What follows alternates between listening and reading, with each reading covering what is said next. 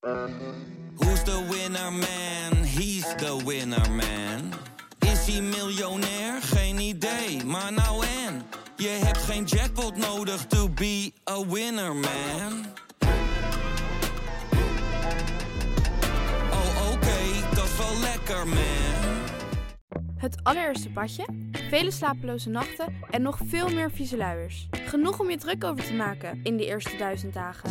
Dan wil je je niet ook nog eens druk maken over wat er in je babyproducten zit. Daarom houden wij het clean en simpel bij Naïef. Met zachte verzorging voor de gevoelige babyhuid. Zonder microplastics, minerale oliën en alcohol. Zo zorgen we niet alleen voor je baby, maar ook de wereld die ze hun thuis noemen. For your baby's baby's baby dus. Naïef. Vanuit de stelste afdaling in de Tour de France, onze bank in Amsterdam-West, is dit de achtste etappe van de Rode Lantaarn. De dagelijkse podcast van Het is Koers.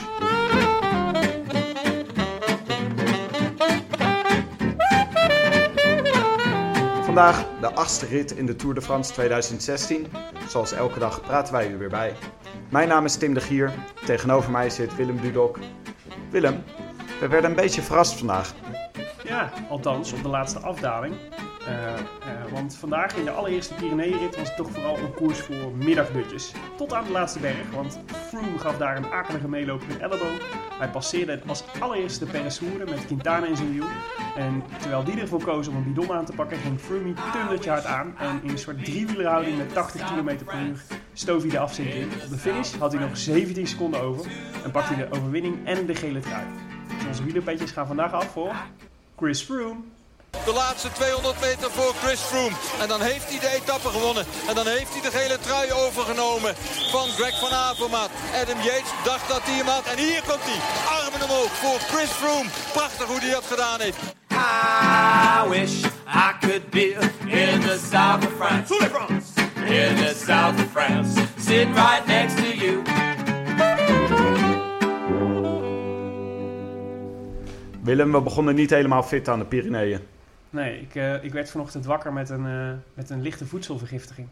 Ik had sushi gegeten gisteravond. Die bleek niet helemaal eh vers meer. Sushi, Sushi. dat is toch geen voorbereiding op een zware bergrit? Op een wielerkoers. Nee, dat blijkt. Ja, ik was erin gestonken. Ik had al heel lang heel veel zin in sushi. Het was een zware week geweest. Met pasta's en weet ik veel wat. Om de calorieën te stapelen. Toen dacht ik, laat ik vrijdagavond iets gezonds doen. Sushi. Maar het ging helemaal mis. We zijn toch een week nu in de, in de Tour. En iedereen eh, begint een beetje pijntjes te voelen. En eh, lastige benen te hebben. Een beetje Zag- buikpijn te krijgen. Ik heb begin, toch een beetje... begin zelf een beetje een zitvlak eh, blessure te ontwikkelen met al deze meters achter de televisie. Ik zag je schuifelen op de bank. De hele tijd. Ja, het is. ik was een beetje ontevreden vandaag, Willem. Ik heb toch. ik heb de hele dag voor de tv gezeten. En ik klaag Mokkend. niet. Wat zeg je? Mokkend. Mokkend. Nee, ik klaag niet. Want ik vind het toch altijd leuk om naar zo'n etappe te kijken door de spanning die erin zit. Ja. Maar het is zo'n bergetappe waarvan je verwacht eh, vanaf, de eerste, vanaf de eerste minuut spektakel verwacht. En dan zit je toch eh, te kijken naar eh, ploegen die gewoon gezamenlijk de berg oprijden. Berg, weggetje naar weggetje. Ja, feitelijk hebben we gewoon 155 kilometer naar een ultra saaie koers gekeken. En waren de laatste 15 kilometer een soort van beloning. Waardoor iedereen in één keer alsnog wakker werd. Ik schoot echt wakker uit mijn dutje toen Froome in één keer aanging. We kregen kritiek van een luisteraar, een oplettende luisteraar. Die zei: Oh, Jullie waren zo vrolijk in het begin. Ja. Jullie zijn een beetje cynisch geworden. Nou, ik weet het niet. Ja, misschien. Het is ook echt een hele saaie tour, hè? Echt een hele saaie tour. Ja. Tot nu toe. Gisteren werd er in de avondetappe werd, eh, de theorie geponeerd dat eh, de Tour saai gehouden wordt in de eerste week. Omdat het EK nog bezig is en Frankrijk alle kijkcijfers voor het EK wil. En dat ze dan eh, willen dat alle favorieten nog in me- in, in, bij elkaar zitten als eh, straks de bergen echt beginnen in de tweede en de derde week. Ja. Dan het spektakel los kan barsten, zodat alle mensen weer afstemmen op een Franse televisiezender. Nou, dat belooft de voor week en 2. Deze theorie was trouwens van Thijs Zonneveld, hè? Ja. Ja, ik, ik eh, kan er toch niet in meegaan. Ik geloof het niet. Want het als deze theorie zou kloppen, zou het toch raar zijn dat eh, de koninginnenrit van de Pyreneeën morgen eh, tijdens de, op dezelfde dag is als de finale van het EK. Dat zou een beetje gek zijn. Dan Met zou je zeggen, doe dat dan lekker op maandag, bijvoorbeeld. Ja, met de Ja. eerste finish bergop. Dan had je best nog even een tijdrit van, van eh, 15 kilometer kunnen doen Ja. zo. Maar ja, ze moeten ons toch iets geven. Ik denk eerder dat, het, dat deze week toch ook een beetje beïnvloed is door alle ploegen die zo ongelooflijk eh, strak georganiseerd zijn. Ja, klopt. Nou ja, en normaal gesproken heb je in de eerste week natuurlijk ook superveel valpartijen. Hè, vanwege al de, de hele nerveuze, de nervositeit in de koers. Weet je, van zo'n tour die weer begint en dan iedereen wil op, eh, op de voorste rij zitten. Maar er zijn echt zo weinig valpartijen geweest. Ja. De enige, de, wilde vandaag de allereerste uitvaller. Oh, Ja, Murku. de rode lantaarndrager. Ja, Ons peterkind. nou nee, dat is, eh, dat is Timo Ah ja, Rozen Timo nog steeds. Die we overigens al een tijdje niet meer hebben gezien. Ja. Nu ik er zo over Ik had toch gehoopt hem vandaag vooraan te zien, Willem. Ja, precies. Laten we hem straks in onze prono opnemen voor morgen. Maar ehm, nee, ja, de- eh, ja. Ik vond het, ehm, het, is, het is gewoon, eh, het is nog een beetje saai. Maar laten we hopen dat alle saaiheid van de week 1 eh, terug, terugkomt als een soort boemerang in week 2. En dat het daar echt helemaal los gaat. Ja, en ehm, eh, als ik het nog heel even mag opnemen voor de Tour... vind ik niet dat per se de Tour de laatste jaren veel saaier is geworden. Want we hebben toch een paar hele spannende Tours gehad. Ja. De Tour met Nibali was heel erg leuk. En de Tour vorig jaar was eigenlijk ook heel erg leuk. Ja. Alleen dit jaar is gewoon Sky ongelooflijk sterk. Houden het tempo gewoon heel erg hoog in de bergetappes. Ja, dat is In de waar. eerste beklimmingen. Maar dit is, niet, dit is geen wedstrijd tot nu toe waar je een niet-wielerliefhebber eh, bij je voorbij op de bank trekt en eh, probeert uit te leggen waarom, jou, eh, waarom je zoveel liefde voelt voor de koers. Want niemand snapt dit, behalve wielerliefhebbers. Over de prachtige koers gesproken, Willem. Ik zie dat je een bijzonder natje mee hebt genomen, Tim. Ja, ik heb voor jou een heerlijke Franse jakmelk meegenomen. Jeetje. Ja, dat drinkt ze in de Pyreneeën. Ja, hij zit in een, in een aardewerken kelk. Dus we kunnen nog niet zien hoe, eh, hoe die eruit ziet. En dan heb ik voor jou meteen een quizvraag. Welke kleur heeft jakmelk? Eh Astana groen. Astana is... Vind je dat groen? Dat is toch blauw? Astana. Een soort asielblauw. groen. Nou, ik vind het groen, maar dan moet ik wel zeggen, ik ben wel een beetje kleurenblind als het op groen Ja. en blauw eh, Ik aankomt. denk dat Astana echt blauw is. Sorry, Astana turquoise. turquoise. Daar doe ik het voor. Ehm jakmelk dus. Is die, eh, hij heeft de kleur van, een, eh, van, een, van de leiderstrui van een van de grote rondes. Goud. Ah, Rood. rood. Oh ja, Ja, de rode trui. Ja. Ah. Eh, roze. Ja! Niet. Jakmelk. Jakmelk roze. Jakmelk is roze. Ja. Dit is overigens een vraag die vaak terugkomt in pubquizzen.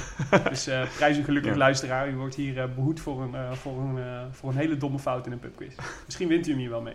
Noem dan vooral even de rode lantaarn bij in uw dankwoord. Oké, ma- Willem, maak hem open, de jakmelk. Laten we praten over de etappe van vandaag. De koers begon om tien over twee. Eh, de, eh, althans, de livestream en de live uitzending. En het leek erop dat het meest interessante deel van de, van de koers eigenlijk daarvoor gebeurde. Er waren wat eh, interessant, schijnen wat interessante aanvallen zijn, zijn geweest. Groepjes die wilden wegrijden. En eigenlijk vanaf het moment dat we in konden schakelen op de NOS... toen, toen bleek de koers eigenlijk al in een soort doodzaaie plooi te liggen. Oh, dat is wel jammer zeg. Ik zag ook dat iemand op Twitter, een volstrekt neutrale voorbijganger, die zei... eh, waarom eh, zenden we niet het, eh, het waarom zenden we de beelden van de tour niet gewoon uit al voordat de uitzending op tv begint? Hoeft niet eens met commentaar of zet er desnoods dat geklets van die twee kletsmajoren van de, van de rode lantaarn eronder. Ik geloof niet dat het woord kletsmajor is gevallen, Tim. Maar ik voelde me wel gevleid, nogthans. We nemen afstand van het woord Dit kletsmajor. hadden we prima gekund. Dus NOS, als u luistert, wij willen prima de uurtjes voor, eh, voor Herbert, en, eh, Herbert en Maarten vullen. En dan, gaan we, dan zullen we vijf minuten voordat zij komen het hokje verlaten. Het voorprogramma. Het voorprogramma lijkt me hartstikke Ja. mooi. Ehm, maar goed, dus inleidende beschietingen tot aan de Tourmalet. Bij de Tourmalet ongeveer eh, halverwege kwamen we erin met de livestream. Toen zagen we een kopgroep van drie. Waaronder jouw uh, pronovoorspelling van gisteren. Rafael Maika, eh, Tony Martin en Pinot. Ik heb toch altijd het gevoel dat ik een beetje mijn, eh mijn eh, prono-voorspellingen jinx door ze te noemen. Ja, Dan worden ze altijd tweede, Willem. ja jouw, jouw palmares is niet om over naar huis te schrijven tot dusver. Sorry, Rafael Maika. Voor morgen zeg ik expliciet dat het Rafael Maika niet wordt. Oké, nou, dat is leuk voor hem. Ik denk dat hij nu met een rustgevoel gaat slapen. Maar Maika, Martin en Pinot werden dus al vrij snel teruggepakt. Nog voor de top van de Tourmalet. Eh, en op de Tourmalet, top van de Tourmalet zagen we dat, eh dat eh, Froome niet per se de bergpunten, de bergpunten wilde. En nou ja, die, die en groupe op de Tourmalet, dat is wel een beeld wat we, wat we vaker hebben gezien. Hè? Ja, ik heb eigenlijk het gevoel dat we met uh, Tourmalet elk jaar weer, weer naar de Tourmalet aan het kijken zijn. Het dak van de Tour. Waar iedereen dan collectief naar boven rijdt. En ik zit elke keer daarnaar te kijken. Het is prachtig. Het is echt een prachtig gebied. Ja. Maar er gebeurt nooit wat op de Tourmalet. Nee, misschien moeten we de, de Tourmalet gaan boycotten. Of zelden, zelden. Voordat cycling, eh cycling news er boos om wordt. ja, precies. Waarschijnlijk zijn er heroïsche gevechten uitgevonden op de flanken van de Tourmalet. Maar dat doet er niet toe. Feiten zijn eh, ondergeschikt aan een mooi verhaal. Nou, dus het kopgroepje was hier al ingelopen. Iedereen eh, naar boven op de Tourmalet. Iedereen naar beneden op de Tourmalet. Iedereen achter de Skytrain aan als soort locomotiefjes. Ja. Met Woutje Poels en eh, Sergio Henao gezamenlijk, eh, gezamenlijk de berg op. Sergio Henao. Sergio Henao. Komen we zo meteen nog op terug. Oh, Eh, en het, en het, maar het spektakel zat, zat op de Peressourde, de laatste berg van de dag. Of althans, op de top van de Peressourde. Maar voordat we op de top kwamen, zag ik Froomey nog even een lekkere elleboogstoot uitdelen. wat gebeurde er? Er was iemand die meeliep met de renners. Dat zijn echt mensen voor wie een speciaal plekje in de hel gereserveerd is. Die vinden zichzelf over het algemeen belangrijker dan, eh, dan de renners. En doen alles aan om in beeld te komen. En, eh, en gaan dan meerennen en lopen vaak heel, heel hinderlijk in de weg. Waardoor wij als wielerfans met samengeknepen billen op de bank zitten. Omdat er altijd wel een renner onderuit gaat met dank aan een meeloper. Maar Froomey had het antwoord vandaag. Want die gaf hem, eh, die gaf een, volgens mij was het een Colombiaan, een, eh, een ouderwetse elleboogstoot. Een Verlanietje. En denk, ja, maar denk echt, ja, het is echt een Jantje Wouters bij, eh bij eh, Lothar Matthäus. Weet je die nog? Ja, ja, ja, zeker. Prachtig. oh nee, wacht, Oh, nee. Ik kan bij Jantje al... Wouters bij Cascoin. Dat was het. Gascoigne, ja. Ja. Ik weet nog, ik, ik zag dat echt in slow motion zag ik dat gebeuren. Ik zie dat nog steeds. Ik kan elke, elke milliseconde daarvan Ja. kan ik gewoon nog voor de geest halen. Want ik heb het altijd ervaren als een bijzonder triomfantelijk moment. En dit eigenlijk ook. ja, dit was heerlijk. Dus Supporter verkleed als Pino. moet elke, ik vind dat er elke etappe tenminste één meeloper moet worden neergehoekt. Het zijn altijd Italianen, hè, die meelopers. Verschrikkelijke mensen. Nee, want het zijn ook echt heel vaak Nederlanders. Oh ja? Nee, het zijn Zeker op altijd Alp, Italianen. op de Alpe d'Huez. Ach, dan schaam ik me voor mijn land. Ja, dat het altijd dat het maar, eh, tot maar goed blijft gaan. Maar het spektakel zat dus eh, in de afdaling van de Peressourde. Want nadat Froomey eh, zich kwaad had gemaakt op, op deze meeloper... De, ging die, en een paar aanvalletjes had geprobeerd. Waar ze al zijn, zijn ploegmaats waren al een paar keer gegaan. En er waren een paar kleine uitvalletjes geweest. Maar niemand kwam echt weg op de, op de. En toen dachten we, nou, eh, nu eh, collectief naar beneden rijden. En toen eh, ging Froome in één keer op de top van de Peressourde vol aan. Het was een gek moment eigenlijk. Want Ja. ik had het gevoel dat toen ze boven kwamen, dat Quintana zat in het wiel bij Froome. Want er waren dus al een paar schermutselingen geweest. En eh, Quintana dacht, ik ga nog eens even laten zien dat ik er goed bij zit. Dus ik ga even nonchalant mijn bidonnetje leeg drinken vlak voor de top. Ja. En Valverde die was volgens mij eh, eh, ook iets aan het eh, chocoladereep aan het eten of een gebakje of weet ik veel. Een krantje onder zijn shirt aan doen. Krantje onder zijn doen shirt. ze en- dat eigenlijk nog? Vind ik altijd heel, vond ik altijd heel tof. Ja, dat zie ik eigenlijk nooit meer. Ja. Maar eh, Quintana, die dronk zijn bidon leeg en die gooide die bidon naar de zijkant van de weg. En die stuiterde op een merkwaardige manier terug, waardoor het hele eh, treintje vol eh, skybots en eh, aanhang naar de zijkant van de weg moest. Ja. En ineens ging Chris Froome er vandoor. ja. Ik weet niet of hij dat moment zelf zag. Dus hij had het volgens mij wel bedacht dat hij gewoon... eh, dat hij gewoon eh, die zag, hij zag een, op, een, een mogelijkheid en hij besloot er gewoon voor te gaan. Maar jemig, het was echt indrukwekkend hoe hij aan het dalen was. En Een soort, hij, had, hij nam een soort positie aan, zo helemaal zo voor op de fiets. Super aerodynamisch, maar ook dat je als een soort rotsblok helemaal het gewicht op je, op je voorwiel bijna Ja. legt. Hè? Ja, het is zoals zo kleine kindjes op een driewieler zitten als ze heel hard willen fietsen. Ja. Dan gaan ze helemaal voorover gebogen over het, eh, over het stuur. Ja, dat is echt eh, fascinerend. Hij ging dus ook eh, 65 km per uur gemiddeld over de laatste 15 kilometer. Dus dat is die hele afdaling tot aan de finish. Dat is echt onvoorstelbaar hard.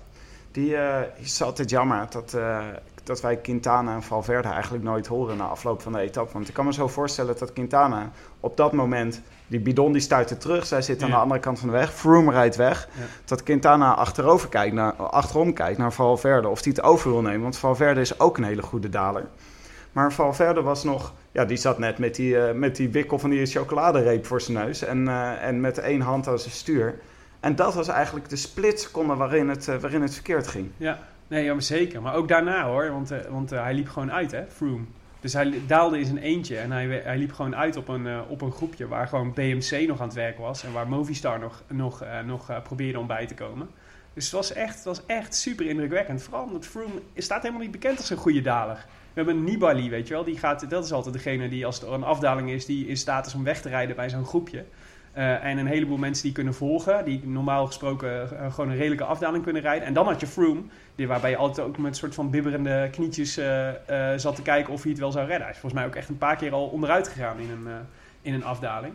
Maar kennelijk heeft hij erop getraind, want dit zag er echt, het zag echt super uit. Ja. Bedoel, het is natuurlijk altijd, het geeft natuurlijk zelfvertrouwen als je de eerste paar bochten doorkomt. En, eh, maar eh, overduidelijk was, hier, eh, was er op het dalen van Froome getraind. En, en nu, dit was, gewoon, dit was gewoon een van de beste afdalingen die ik in tijden heb gezien. Het was prachtig. Het was, ik heb wel eens achter jou gezeten in een afdaling, Ja, ook in Frankrijk. ook in Frankrijk. En dan gingen we met eh, 32 km per uur maximaal gingen we de berg ijzingwekkende 32 km per uur. Wel in dezelfde houding jij altijd, hè, als Froome. Ja, op een driewielen. Maar het is zo eng. Het kan echt zelfs met onze 32 km per uur één steentje op de weg en je valt zo hard. Je bent Ja. gewoon dood. Je hoofd ligt eraf. Of Ja. een been. Ja, dat is waar. En, eh en Froome die gaat daar met, eh, met een monsterlijke snelheid naar beneden. En het zag er zo mooi uit. Hij trapte zelfs bij op sommige Ja, momenten. dat vond ik helemaal bizar. Want eh, ik, wat voor verschil maak je dan nog? De hoogheid dat je niet... ja, kennelijk toch nog wel wat. Maar dus hij zat in die rare houding op zijn stuurstang. En hij kon inderdaad gewoon nog bijtrappen. Ja. Dat was echt eh, wel fascinerend hoor. En dat deed de achtervolgende, achtervolgende pelotonnetje deed dat niet. Nee, Dus Valverde en Quintana en, eh, en ook Mollema, waar ook Mollema bij zat, die deden dat niet. Die trapten niet bij. Die lieten zich gewoon Ja. aerodynamisch naar beneden glijden. Ja. Overigens met dat gevaar denk ik dat het wel echt een marginaal verschil is tussen met 80 km per uur normaal op je fiets zitten of 80 km per uur op deze manier op je fiets zitten. Want ik denk als je met 80 km per uur, als je normaal op je fiets zit, over een steentje rijdt en valt, dan ben je ook dood. En net zo dood als... het is niet het verschil tussen dood of doder nog, zeg maar. En Dat, daar hebben we, over die marges hebben we denk ik. Ja. Dus het is gewoon... eh, ja, ik neem natuurlijk super veel risico. En zoals Thijs Sonneveld zei, jij moet het vooral niet proberen. ik weet niet wat hij specifiek jou bedoelde, maar renners Nou, zoals ik kan jij... me goed voorstellen. Ja. Maar het was, ik, ik twijfelde een tijdje of het een, eh, of de tactiek was van, eh van Ja. Froome. Want hij had zo raar, ging hij ineens voor de punten in het bergklassement, op Ja. de bergen daarvoor. Wat een beetje suggereerde dat hij deze berg weer gewoon voor het bergklassement ging. Maar het was gewoon een demarrage. Wel, Het leek een soort perfect uitgevoerde strategie. Maar achteraf, toen ze aan Froome vroegen wat deed je nou, toen zei hij nou, ik, wilde het, ik dacht ik probeer gewoon eens wat. Het was niet echt een, eh, een briljant eh, aan de tekentafel bedachte strategie van Team Sky Nee, maar mij. het was eindelijk wel weer eens leuk dat het niet zo berekenend was. Toch zag ik wel, eh, ik zag wel twee gekke dingen eraan eigenlijk. Volgens mij, gek ding 1 is, we zitten uiteindelijk nog in de eerste week van de Tour de France. Waarom zou je zoveel risico lopen voor 20 seconden, 25 seconden? 13 seconden was het toch? Wat? Ja, volgens mij 17 seconden met 10 seconden bonificatie. Dus dan heb Mhm. je 27. Weet ik niet helemaal zeker, maar pin, pin ons er niet, op vast. Gaston heeft een dagje vrij vandaag. Ehm, en het tweede rare ding was, ik zou zeggen, eh, zo- hoe langer je kunt wachten met het pakken van de gele trui, hoe beter het is.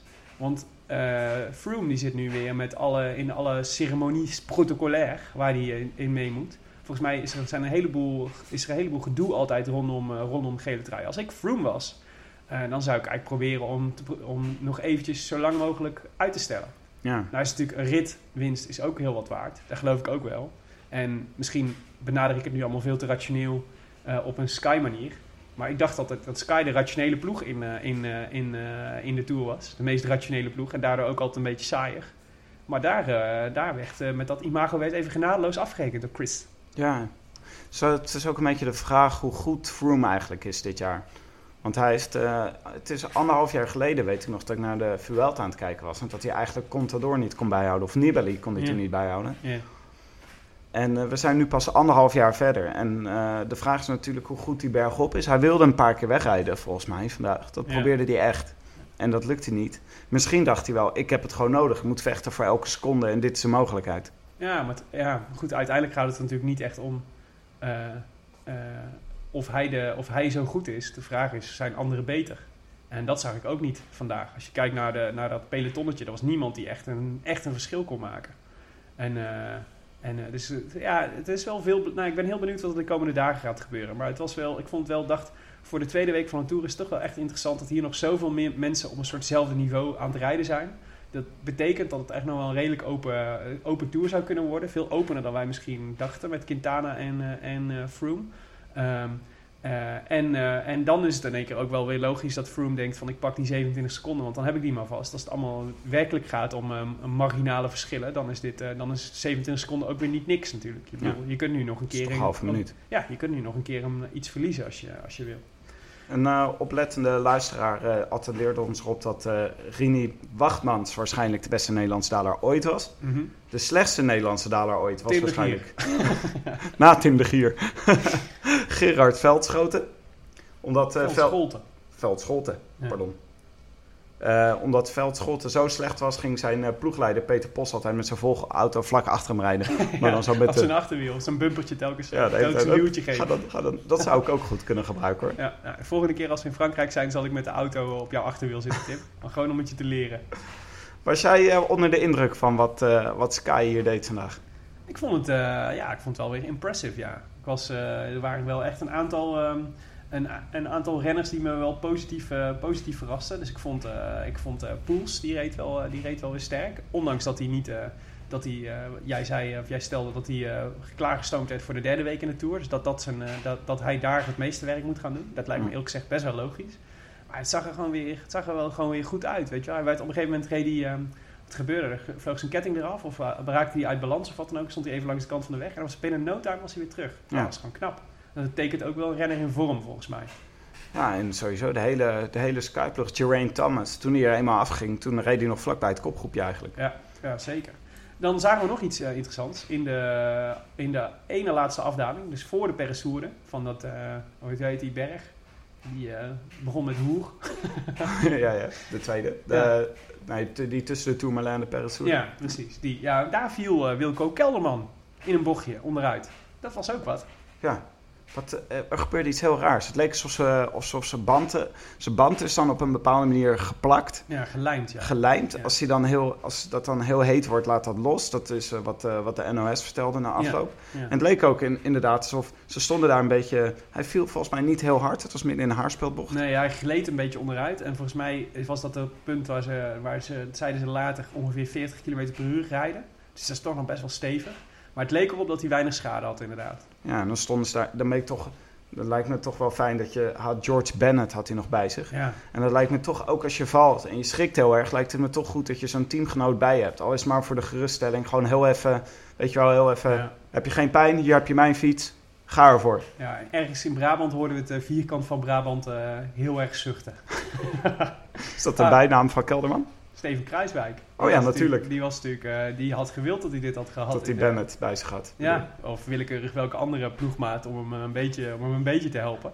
Dat was natuurlijk wat er misging in de Giro. Dus dat was fijn voor Kelderman, absoluut. En uh, ik had wel het idee dat hij er wel last van had hoor, in de laatste, in de laatste klim. Ik vermoed, hij zat eigenlijk de hele koers zat hij er scherp bij en, en ging hij redelijk makkelijk omhoog. En denk wel dat dit wel een probleem is op het moment dat je, dat je uh, zo onderuit schuift en dan nog uh, hard moet rijden om terug te komen. En dan de laatste berg dat ze echt, dat ze echt aangaan. Ja, ik snapte wel dat hij eraf, dat hij eraf ging. En, uh, maar het is jammer toch dat hij, want hij, hij liep anderhalf minuut schade op. Nou, dat is, toch, dat is toch jammer. Mollema zat er gewoon bij, dat was heel knap. Dat ja. was ook verheugend, vond ik. En ook veelbelovend. Ja, wat we eigenlijk meenemen, denk ik, voor de komende, komende bergetappes... is dat het uh, wordt vooral Team Sky tegen Movistar. Ja. Movistar reed, uh, reed ook heel erg goed vandaag. Ja, en misschien met een beetje BMC. En dan heb je nog een paar uh, enkelingen, die, individuen... die misschien wat interessants kunnen doen. Ja. ja. Tinkoff is toch niet echt een georganiseerde ploeg om echt mee te doen? Ja Contador is ook gewoon nog niet... die is toch nog niet de oude. En Maika probeerde het vandaag, maar dat was eigenlijk ook een beetje een wanhoopspoging, vond ik zelf. Ja. Niet, uh, er zat niet heel veel, zat niet heel veel achter. Dat maakte niet heel veel indruk. En Kreuziger doet niet echt heel erg een teamplay van deze tour. Nee, Kreuziger heb er geen zin in. nee, nee, precies. Nou ja, de, de, de glazen bolcup. Misschien moeten we daar naartoe. Misschien moet jij even een glaasje jakmelk nog bijschenken. Want ik vind hem, ik vind hem heerlijk, die roze jakmelk die ja, je daar hebt Ik heb ook het gevoel dat ik er gezonder van word. Ik, Laat ik je nog één keer bijschenken, Willem. Ja, mijn, uh, mijn voedselvergiftiging die, uh, die, die, die, gaat aardig ook. Nu. Hadden, we een, hadden we een winnaar vandaag? Tim, we hadden geen winnaar. Wij zijn, uh, onze volgers zijn niet zo goed in bergen. Ja. Ik zag wel dat Wil Eikelboom had, uh, de, de Froome correct had voorspeld, maar die had er geen hashtag rode lantaarn achter gezet. En dus geen prachtig prijzenpakket voor Wil. De jury moet streng zijn. De jury moet streng zijn. Morgen, wat voor rit hebben we morgen, Tim? Beschrijf hem eens voor ons. nou, dat wordt mijn, eh, een Pyrenee-etappe. We gaan naar Andorra. Oh, Eh, we beginnen met de beklimming van de eerste categorie. Daarna komt er weer een eerste categorie. Daarna komt er een tweede categorie. Een eerste categorie. En als eh, grote grande finale de klim naar de Andorra Arcalis. Buitencategorie. 2200 meter hoog, Willem. Dit is echt een... eh, de, de, de betere puist. nee, dit wordt echt de Ja, Pyrenee-etappe. en Dus, eindelijk ja. finish we een keer bergop dus. Oh. Wie denk jij, Willem? Nou, ehm, ah, ik heb hier lang over getwijfeld. En ik dacht, zou ik het, eh, zou, we zagen Dumoulin vandaag eh, wederom niet. Hij schijnt wel in het begin een keer te hebben aangevallen. Maar waarschijnlijk kostte het superveel moeite en besloot hij, besloot hij toen- om zichzelf weer terug te laten zakken. Eh, maar als hij morgen in een groepje mee kan, ehm, dan geef ik hem een hele goede kans. Eh, want hij heeft natuurlijk ook nog niet zo heel veel energie verspild. En ehm Laurens ten Dam moet volgens mij bij Barguil blijven. Dus dat is al, dat is, en volgens mij heeft Dumoulin dus een beetje een, een vrijere rol. Eh, dus ik, ik dacht Dumoulin zou kunnen. En de andere, mijn andere scenario en is, eh, is eh, Sergio Henao van Team Sky, die ik vandaag heel goed vond rijden. En waarvan ik me kan voorstellen dat als de Skytrain inderdaad zo lekker omhoog rijdt en hij een soort meesterknecht van Froome ernaast zit, dat Froome hem aan het einde gunt dat, eh dat eh Henao eh, voor zichzelf de rit mag gaan pakken. Dus eh, ik ga denk ik toch voor Henao. Hey nou. Tim, Ehm mag ik nog één ding zeggen over Henao? hey nou, ja. Heb je ook altijd, moet je ook altijd aan Crowded House denken als je de naam Sergio Henao hoort? Hey now,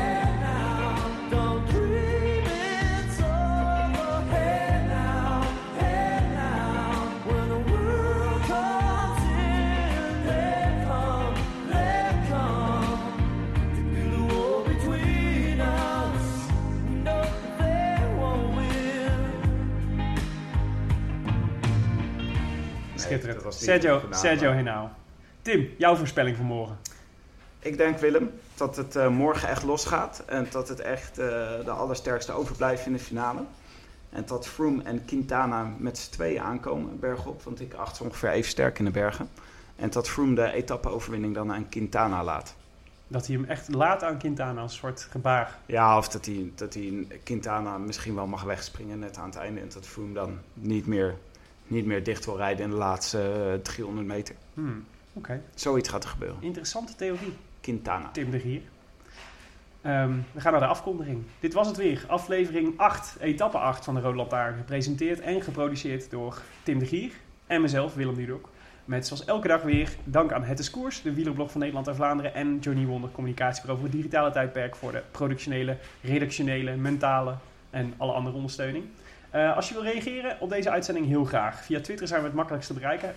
Willem Dudok en Tim de Gier. Zoals bijvoorbeeld B. Vinkers gisteren deed. Bram Vinkers. Die schreef, de dag goed eindigen doe je met hashtag Rode Lantaarn. Luchtige, doch inhoudelijke podcast over TDF 2016. Jij was vandaag heel luchtig, Willem. Was vandaag ontzettend luchtig. Precies. Maar niet cynisch dus, hè? Dat noemt hij niet. Dat vind ik wel fijn. Nee, dat is goed om te horen. Zeker. Dit was het voor etappe 8 van de Rode Lantaarn. Morgen nog meer Pyreneeën. Een hele dag weer op televisie. Dus we doen de gordijnen weer dicht. En we pakken de ja- het resterende eh, eh, slokje jakmelk erbij. Eh, en ik zeg a biento.